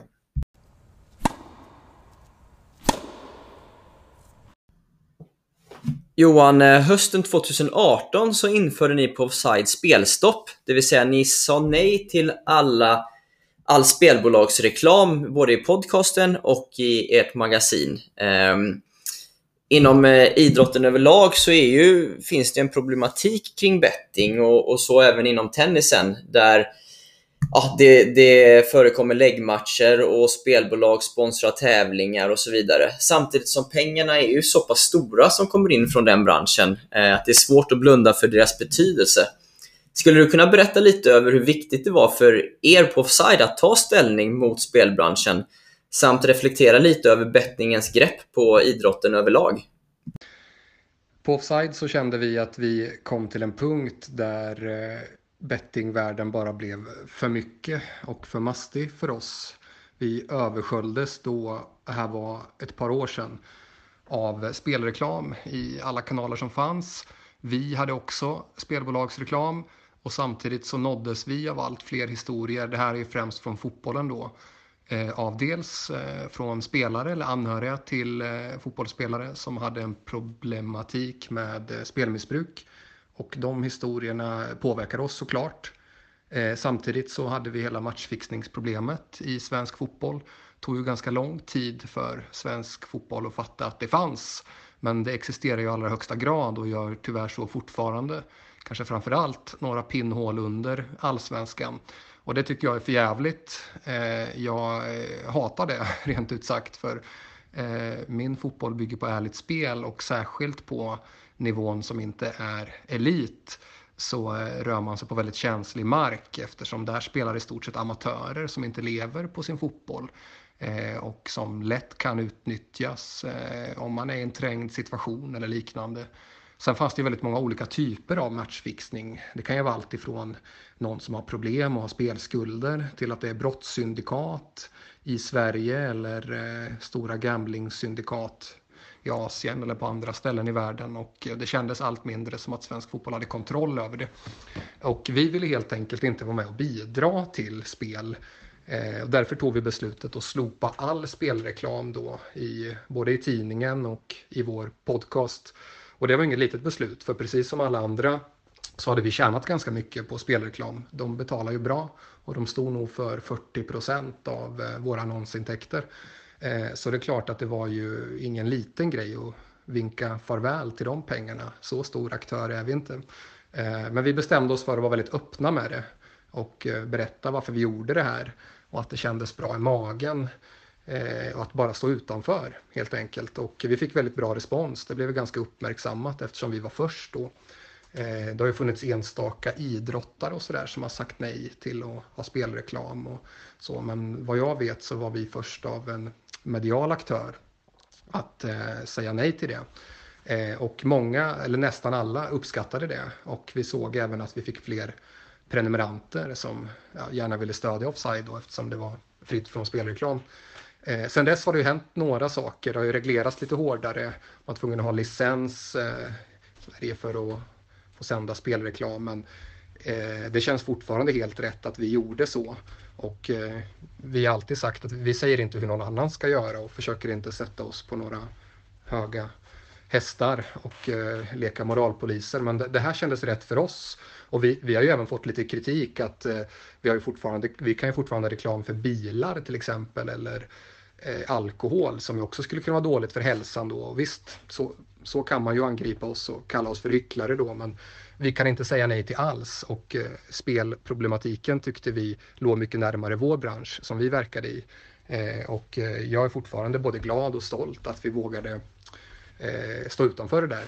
Vad gäller tennisen så har jag mer läst och förstått att det finns eh, i allra högsta grad problematik där med. Och även där kanske gissar jag eh, utanför de allra största arenorna. Eh, och eh, det är ju så jäkla svårt att komma åt eftersom eh, eh, det kan vara på så många olika sätt. Eh, och det är jättelätt också att eh, vara hård mot någon som kanske gör en läggmatch eller så, men man vet ju inte vad den har för situation i livet, om den är i ekonomiskt trångmål och mm, man vet aldrig vad man hade gjort själv i motsvarande läge. Eh, men jag följer inte hur tennisen jobbar med att försöka bekämpa det. Eh, bara att jag vet att det känns som en olustig situation eh, och där det finns, alltså det kommer ju alltid vara så, där det finns snabba pengar att tjäna kommer det alltid komma fula fiskar till. Det är ju inte något unikt för idrotten. Eh, men eftersom det är så tillgängligt nu också med dagens moderna samhälle så går det ju snabbt eh, om man inte har koll att man skulle kunna tappa greppet. Så jag kan bara hoppas att tennisen hittar någon modell. Jag tror aldrig det kommer kunna försvinna helt. Det är ju liksom en polisiär fråga, eh, liksom rent krast. Och, och eh, det kommer nog alltid att finnas men att, eh, eh att man kanske hittar något eh, något system eller varningssystem eller någonting som kan få en att komma lite längre än vad man är idag. Eh, men tyvärr så behöver man ju ofta att polisen sätter dit ordentliga resurser. Det är ju först för, om jag tar i min värld, fotbollen, så är det ju bara först sedan något år tillbaka tror jag som polisen har en särskild grupp som jobbar med brottslighet kopplat till idrott eh, som Fredrik Gårdare leder. Det är bland annat matchfixning då, men det kan vara andra saker också. Eh, och det är ju ofta polisen som spränger stora saker. Det var ju samma med Fifa-skandalen. Det, var ju, det var ju FBI till slut som, eh, som knäckte dem så att säga. Och, eh, så man är lite beroende av att polisiär verksamhet både i Sverige och utomlands tar det här på stort allvar och lägger stora resurser på det. Och där finns det ju en del annan konkurrens att lägga resurser på. Så jag inbillar mig inte att det kommer försvinna helt, men att eh, jag tycker så synd om de här som kanske har en dröm att slå igenom som tennisspelare om man är lite fortfarande på tennisens bakgård och man eh, har en dröm om att få eh, kunna leva på sin tennis. Och så blir man lite offer för eh, den här typen av verksamhet som kanske pågår.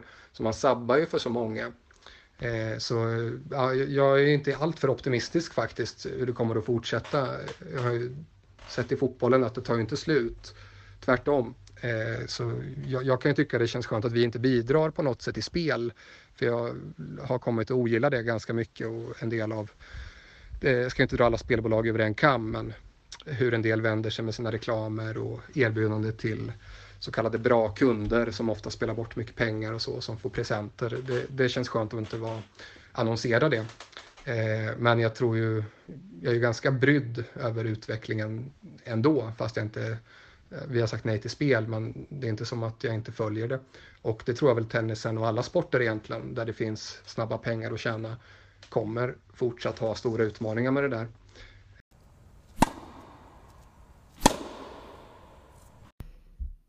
Eh, Johan, vad har du ändrat uppfattning om den sista tiden? Oj, Inom tennisen då? Ja, du kan välja fritt här tänkte jag. Fråga, finns det något inom tennisen jag ändrat uppfattning Nej, det, det är kanske för smalt. Ja. Men, men någonting du har känt att nej, men det här har jag tänkt, tänkt omkring?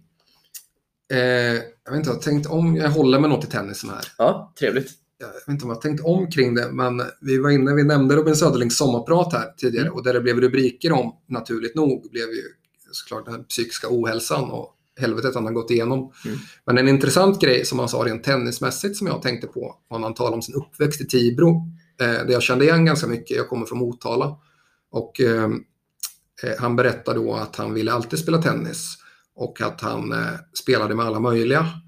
Eh, han hade förstås regelbunden träning men han stack alltid ner till tennisbanan och så spelade han gärna med någon farbror om farbrorns eh, andra partner inte kunde komma den dagen eh, väldigt mycket spontant. Så. Mm. Eh, det gjorde jag också. Eh, vi hade sommarstuga nära tennisbanan och den var liksom olåst. Eh, man kunde gå in där och leka tennis. Så jag tänkte på det när jag hemma i Motala ibland och ser när klubben har träning. Har ibland sett då hur det står några knattar eller juniorer och väntar på att klockan ska bli fyra eller när nu träningen börjar. Men banan är ledig liksom. Mm. Jag, och då, då blir jag lite brydd sådär varför man inte går in och kör någon eh, droppboll eller eh, bara leker lite tennis eller vad det nu är eller att man eh, spelar lite dubbel eller vad man, vad man nu är. Jag har inte ändrat uppfattning där men jag har blivit ännu mer övertygad om att så här, de bästa, man kan få all den bästa träning man kan få eh, och man kan bli satsad på och kanske komma med i team och man kan ha en, en jättebra tränare. Men om man i grunden inte från början själv har den här passionen för sporten och tänker att eh, allt kommer inte, utan man vill spela själv och med olika typer av motstånd och hittar och gör det även utanför den organiserade. Det tror jag eh, jag tänkte att det var helt avgörande när jag hörde Robin Söderling prata faktiskt. Att han sådär eh, att han liksom fick den kärleken till sporten. Mm. Eh, och inte bara att han var då väldigt, väldigt duktig, Mm. utan att han vill så här, lära sig tennis på ett lekfullt sätt genom att man, jag gissar att det gav honom skitmycket att spela mot den där sliceande gubben i Tibro och få öva Mm. på det. Eller vad det nu kunde vara. Och det, det, jag blir liksom lite ledsen när jag ser de där, när jag sett de där knattarna stå och vänta på att när banan står ledig. Eh, jag, jag, jag, har- snarare så att jag liksom har stärkt min uppfattning om att man inte bara ska gå och vänta. Alltså, gillar man att göra så här, hitta banor att spela på. Eh, spela utanför träningen och vänta inte bara på vad tränaren säger att du ska göra bättre. Upptäck och lär dig själv och Mm. testa olika saker. Mm. Vi släppte en tennisbok på vårt, vi har ett litet bokförlag också, heter När vi var bäst, som handlar då om Borg, Edberg och Villander. Mest intressant tyckte jag var att höra om Villander. Han är den som kan prata intressantast om tennis av de tre. Mm. Eh, men han berättar ju han berättar om sin uppväxt, när han spelar med sina bröder och sin pappa. Eh, och det verkar ha varit så jäkla lekfullt, förutom att han var bra och så han tittar på TV och så kunde han bestämma, idag ska jag, jag ska försöka låtsas att jag är Connors på banan. Mm. Jag har väldigt svårt att tänka mig att det där sker idag. Mm. Att någon tänker sig att så här, det här är inte alls så som jag spelar, men nu ska jag ta en timme och låtsas att jag är Sverev. Eller vad det nu är. Att man har det där liksom passionen för sporten och det här lekfulla och testar sig fram. Det, det känner jag ändå bara liksom är ännu viktigare i tider där man mycket tidigare kanske blir identifierad som talang och kommer in i ett stort maskineri. Då kanske man också väntar sig att man ska få saker serverade och så plötsligt börjar man förlora när man är 18-19. Och då vet man kanske inte riktigt hur man ska göra. Har man det där från början att man är van vid att vara företagsam och jag älskar att spela tennis och testar jag att spela på det här sättet, vad det kan vara. Eh, det är väl liksom bara som ett tips om man är intresserad av tennis och även till föräldrar och sådär. Att, Mm. eh, det är jättebra att träna mer utanför och ta privattränare om ni vill. Sådär, Mm. Men eh, fan gå till banan och testa nya grejer själv. Mm. Liksom så. Mm. Eh, det är gemensamt för alla de här stora som gick, Mm. eh, svenskar som gick bra, att de hittade egna sätt att tävla mot sig själv, oavsett om det var mot ett plank eller mot en Mm. kompis eller mot en äldre brorsa. Eller Mm. att man liksom fick den typen av passiv träning kanske, som var liksom lustfylld. Så. Eh, så här att, jag är så jävla rädd att man tappar den så Ja. tappar man lite, då blir man lite robot. Liksom. Men är det, är det inte nya tider också då? Så Ja, men- Tänk som i, i liksom, Asien till exempel, så här, att där tränar de kanske kvalitativt minut för minut på banan. Och så tänker vi i Sverige, ja, men förr i tiden då lekte vi tennis, det ska vi göra fortfarande. Ja, jag menar inte att det ska vara oseriöst, absolut inte. Det ska väl bedrivas jätteseriös klubbträning. Jag menar att någon, ingen kan väl anklaga Robin Söderling för att ha varit oseriös. Nej, det tror jag det inte. sista han var, snarare var han kanske för seriös och hade Ja. inte något av och påläge. Eller han kunde aldrig slå av utanför banan. Ja. Det pratar ju om också. Så jag menar absolut inte så. Mm. Eh, men men eh, om man får liksom allting enligt ett schema så tänker jag att det blir proble- problematiskt när man utsätts för saker som idrottare när det inte går som man har tänkt. Mm. För det finns inget schema för. Mm. Liksom så. Att så här, när man inte har lärt sig förlora eller när man blir bortdömd eller vad det nu skulle kunna vara. Så. Mm. Då tänker jag för mycket om man blir liksom någon slags eh, som går det här efter minut för minut. Så, Mm. så funkar varken livet Mm. eller tennismatcher ute på den högsta nivån. Mm. Och jag blir också lite... Jag förstår att det kan låta konservativt. Jag menar inte att låta som en... Bara prata om att det var bättre förr. Sådär. Verkligen inte så. Det finns säkert jättemycket saker som görs bättre idag. Och hur man tar hand om sin kropp och så. Herregud, man ser hur mycket längre karriärer de får. Mm. Men jag tänker ju också att, och det, det kan gälla både fotbollsspelare och tennis, det pratar vi mycket om inom fotbollen med. Man blir identifierad som talang mycket tidigare, Mm. kanske som 13-åring och man specialiserar sig på en idrott mycket tidigare. Att eh, man, und- man undrar alltid hur de mår när de blir 25-26 Mm. eh, och eh, eh, när det kommer lite motgångar. Eh, och eh, att man kanske liksom bränner ut sig själv i skallen lite så på det sättet. Mm. Det tänker jag alltid liksom är, finns en liten risk när man blir så programmerad tidigt. Att Mm. det här ska du göra bara och allt ska handla om det. Hur är din bild av hur det ser ut inom fotbollen i yngre åldrar? Är det, mer, är det mycket spontan idrott inom fotbollen för barnen och ungdomar? Jag tror det kan vara ganska olika beroende på var i landet man är. Jag tror det har minskat mycket där med. Eh, alltså, vi höll ju på jättemycket så, förutom vår vanliga träning. Att Mm. man liksom letade efter en plan och körde någon fotbollslek och sen blev man bortjagad av någon vaktmästare. Det var en del av, av leken. Liksom så. Mm. Eh, jag tror särskilt i storstäderna är det problem med planer. Mm. Och, eh, att, så här, och då blir det mycket svårare att hitta det här spontana.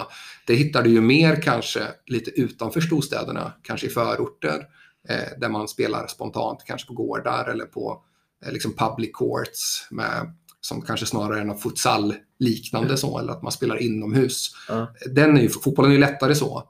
Alltså med lite fantasi så räcker det med att du har en boll Mm. så kan du skapa ett mål av två cyklar. Du kanske inte ens behöver en boll, du kan spela med en tom burk. Liksom, Mm. så. Mm. Tennisen är ganska enkel, men du behöver ändå någon slags bana där. Mm. Eh, jag vet inte hur det är med det idag, men det fanns ju i Motala när jag växte upp. Inte bara att det fanns två grusbanor där, utan att det fanns asfaltbanor där vem som helst kunde spela. Ja. Jag kände aldrig igen mig det här med att tennisen skulle vara lite fint. Eller sådär, utan där jag kom ifrån så spelade alla då och då. Mm. Eh, och det var billigt att spela. Mm. Och de bästa kom också från hålor, där Mm. de hade spelat jättemycket utanför organiserad träning också. Mm. Eh, så jag tror att det där har gått ner i fotbollen med, att det är mindre spontant och att man bedriver en seriösare träning. Det är inget dåligt i det, de verkar ha mycket bättre.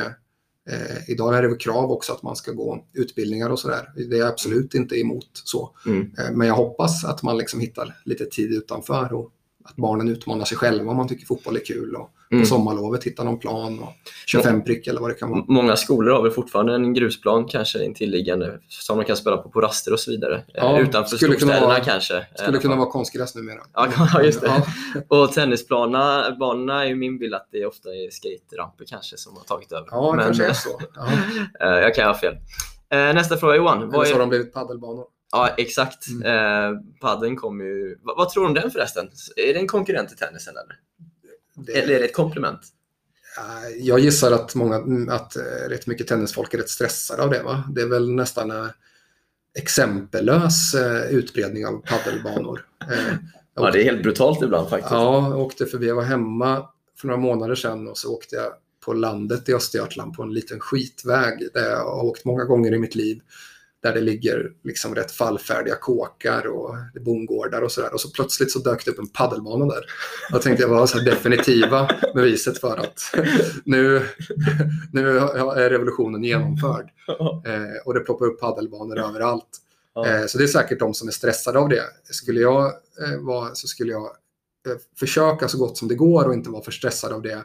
Och, för jag märker också att många, det måste vara jättemånga tennisklubbar som tänker att ah, vi kanske skulle göra om en av våra banor till två paddelbanor här nu.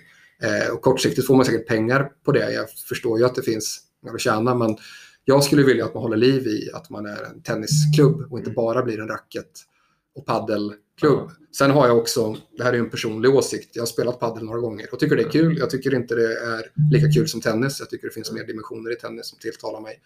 Men jag stör mig lite på att det är så dyrt. Ja, det, Eh, och, eh, och då tar jag inte så mycket för, om mig själv. Det kan jag betala någon gång om vi ska spela paddel. Men jag tycker att man direkt sätter en stämpel på sporten och blir lite exkluderande. Att det här är inte riktigt för alla. Mm. Som inte fattar varför det skulle behöva vara. Tennisen är ju idag mycket billigare att spela. Mm. Eh, och jag stör mig lite på att man liksom direkt, för det känns som att det kom från de här första paddelhallarna och Zlatan ger sig in och Måns Zelmerlöw och det kostar, Mm. inte vet jag, 500 spänn att spela. mer än det ibland. Mer än det ibland. Mm. Och det kan säkert vara mindre på några ställen. Men det stör mig. Mm. För liksom, då säger man nästan direkt vad det här är för typ av sport. Jag fattar inte varför det skulle behöva kosta så mycket. Jag kan betala 500 kronor om jag någon gång ska spela paddel. Men det känns som man direkt får ett visst klientel. Men hallarna fylls ändå. Ja, det gör ju det. Så liksom, vi lever i en kapitalistisk värld. Och det är klart, kan man fylla sina banor så fattar jag att man har. Men det retar mig, för det känns inte som att man liksom då får till sig alla. Mm. Eh, och kanske de som inte har lika mycket pengar. Mm. Det skulle jag ju nästan ta som ett argument för tennisen. Att så här, om man nu vill ha så här, att det faktiskt behöver inte vara så dyrt att spela, Mm. spela tennis. Eh, I alla fall inte på, på alla ställen. Man Mm. behöver inte hänga på de gräddigaste tennisklubbarna för att spela tennis. Det kan man göra på många ställen. Just det. Eh, vad är du exalterad över för tillfället? Ja, eh, det är deppigt om man inte kommer på något. Helt tomt. Eh, sällan man går och funderar i de banorna. Jag brukar inte ha blicken så himla långt fram. Eh, jag har aldrig tänkt så i mitt jobb att jag har liksom haft mål eller om två år så ska jag göra det. Utan Mm. Jag lever rätt mycket för dagen och försöker göra det så bra som möjligt. Och gör man det så kan det uppstå roliga möjligheter. Så. Mm. Det, det tänker jag även är, eh, det vet jag att fotbollsspelare sagt som intervjuat också, att eh, det är nästan ett eh, det nästan förväntas att man ska säga att man har haft en väldigt tydlig målbild med saker. Och eh, den här klyschan att man skrev i skolan i uppsatser att jag ska bli fotbollsproffs och så. Men jag märker att ganska många faktiskt inte har haft det, utan att de har älskat sporten och gjort det så bra de har kunnat. Och sen har det uppstått möjligheter. Kanske gå till en bättre klubb, kanske man får välja mellan det eller det. Men att det är lite efterhandskonstruktion ibland. Mm. Folk säger att så här, ja, när jag är 18 så ska jag spela där, när jag är 22 ska jag spela där. Det finns såklart dem.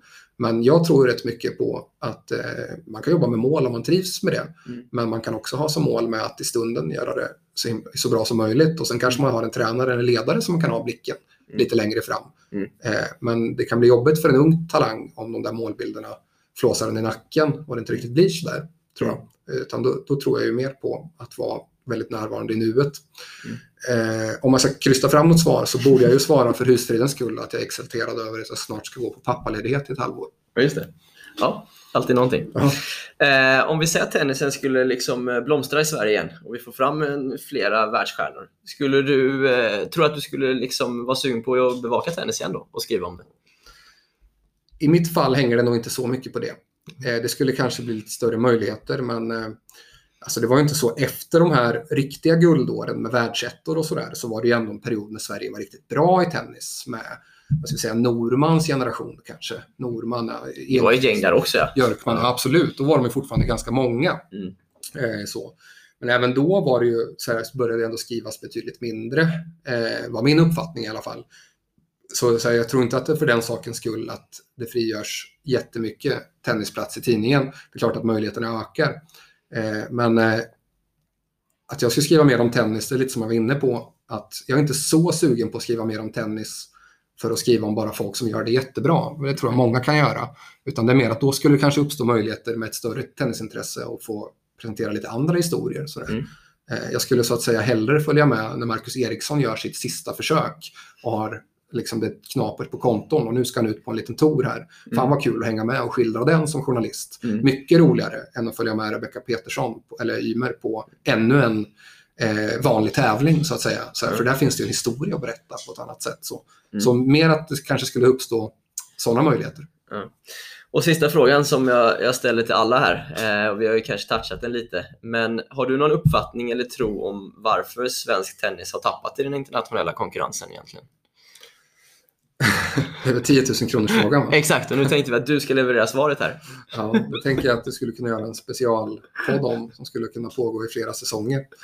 Eh, nej, jag tror inte att det är eh, alltså ökad konkurrens generellt sett.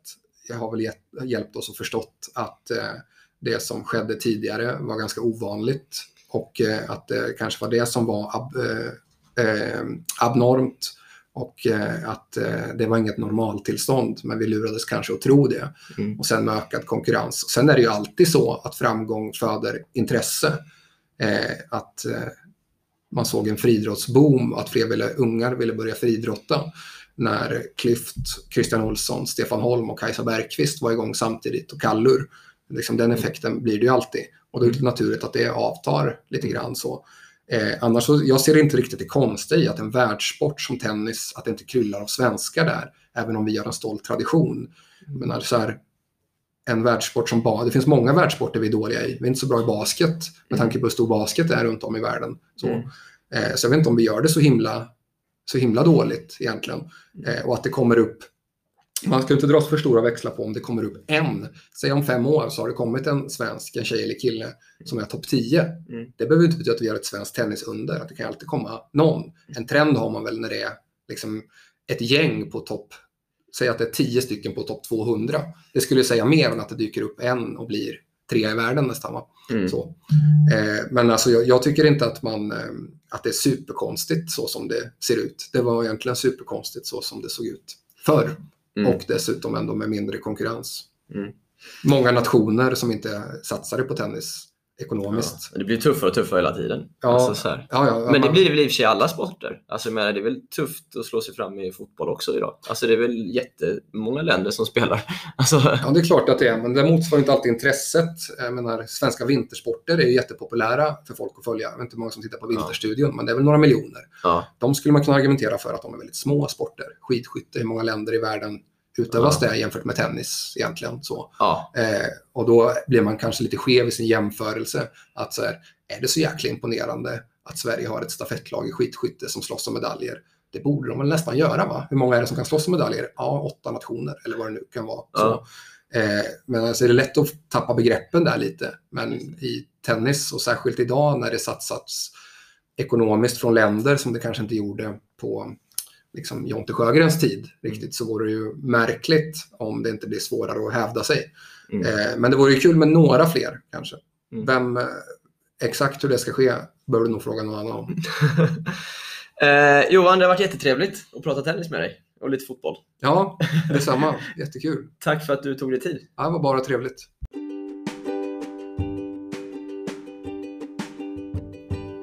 Visst är det ganska givande att få in lite ansikten utifrån ibland, som inte är så insyltade i själva tennissfären. Jag tycker personen Johan förklarar rätt bra vad som troligtvis krävs för att vi ska få ordentligt med utrymme i medien. Men att det är klart man inte kan kräva det av spelarna själva att bjuda på sig bara för sportens skull. Alla gör ju egna val som individer och vad som är bäst för dem. Jag personligen är lite kluven till förändringar inom själva matchspelet tennis. Å ena sidan tycker jag man ska hålla kvar vid hur sporten har sett ut. Jag ogillar till exempel att man spelar match-tiebreak i singelmatcher som tredje set. Fysiken ska ha en avgörande roll tycker jag. Och även det mentala. Men å andra sidan, jag tycker korta set till 4 game också funkar bra och jag älskar när det testas coaching med headset, tidsklocka mellan poängen och så vidare. Kanske det ena inte behöver utesluta det andra. Kanske finns det utrymme för olika sort- sorters matcher i tävlingskalendern. Som i till exempel poker, det finns olika sorts pokerspel. Eller som i tennis med underlagen, olika tävlas, tävlingar spelas på olika underlag och en vinst på det ena är inte mer värd än en vinst på något annat. Vad tycker ni? Maila gärna mig på linus.eriksson tennismagasinet.se och berätta. Tills nästa vecka, glöm inte, lägg bara stoppboll i motvind.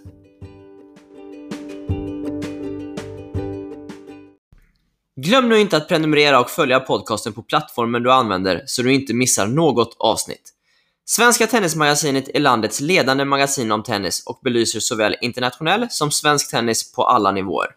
Tidningen utkommer med sex utgåvor per år. Vill ni veta mer? Surfa in på www.tennismagasinet.se. Vill ni komma i kontakt med mig? Maila mig på linus.eriksson tennismagasinet.se. Det är alltid kul med feedback. Vi hörs i nästa avsnitt.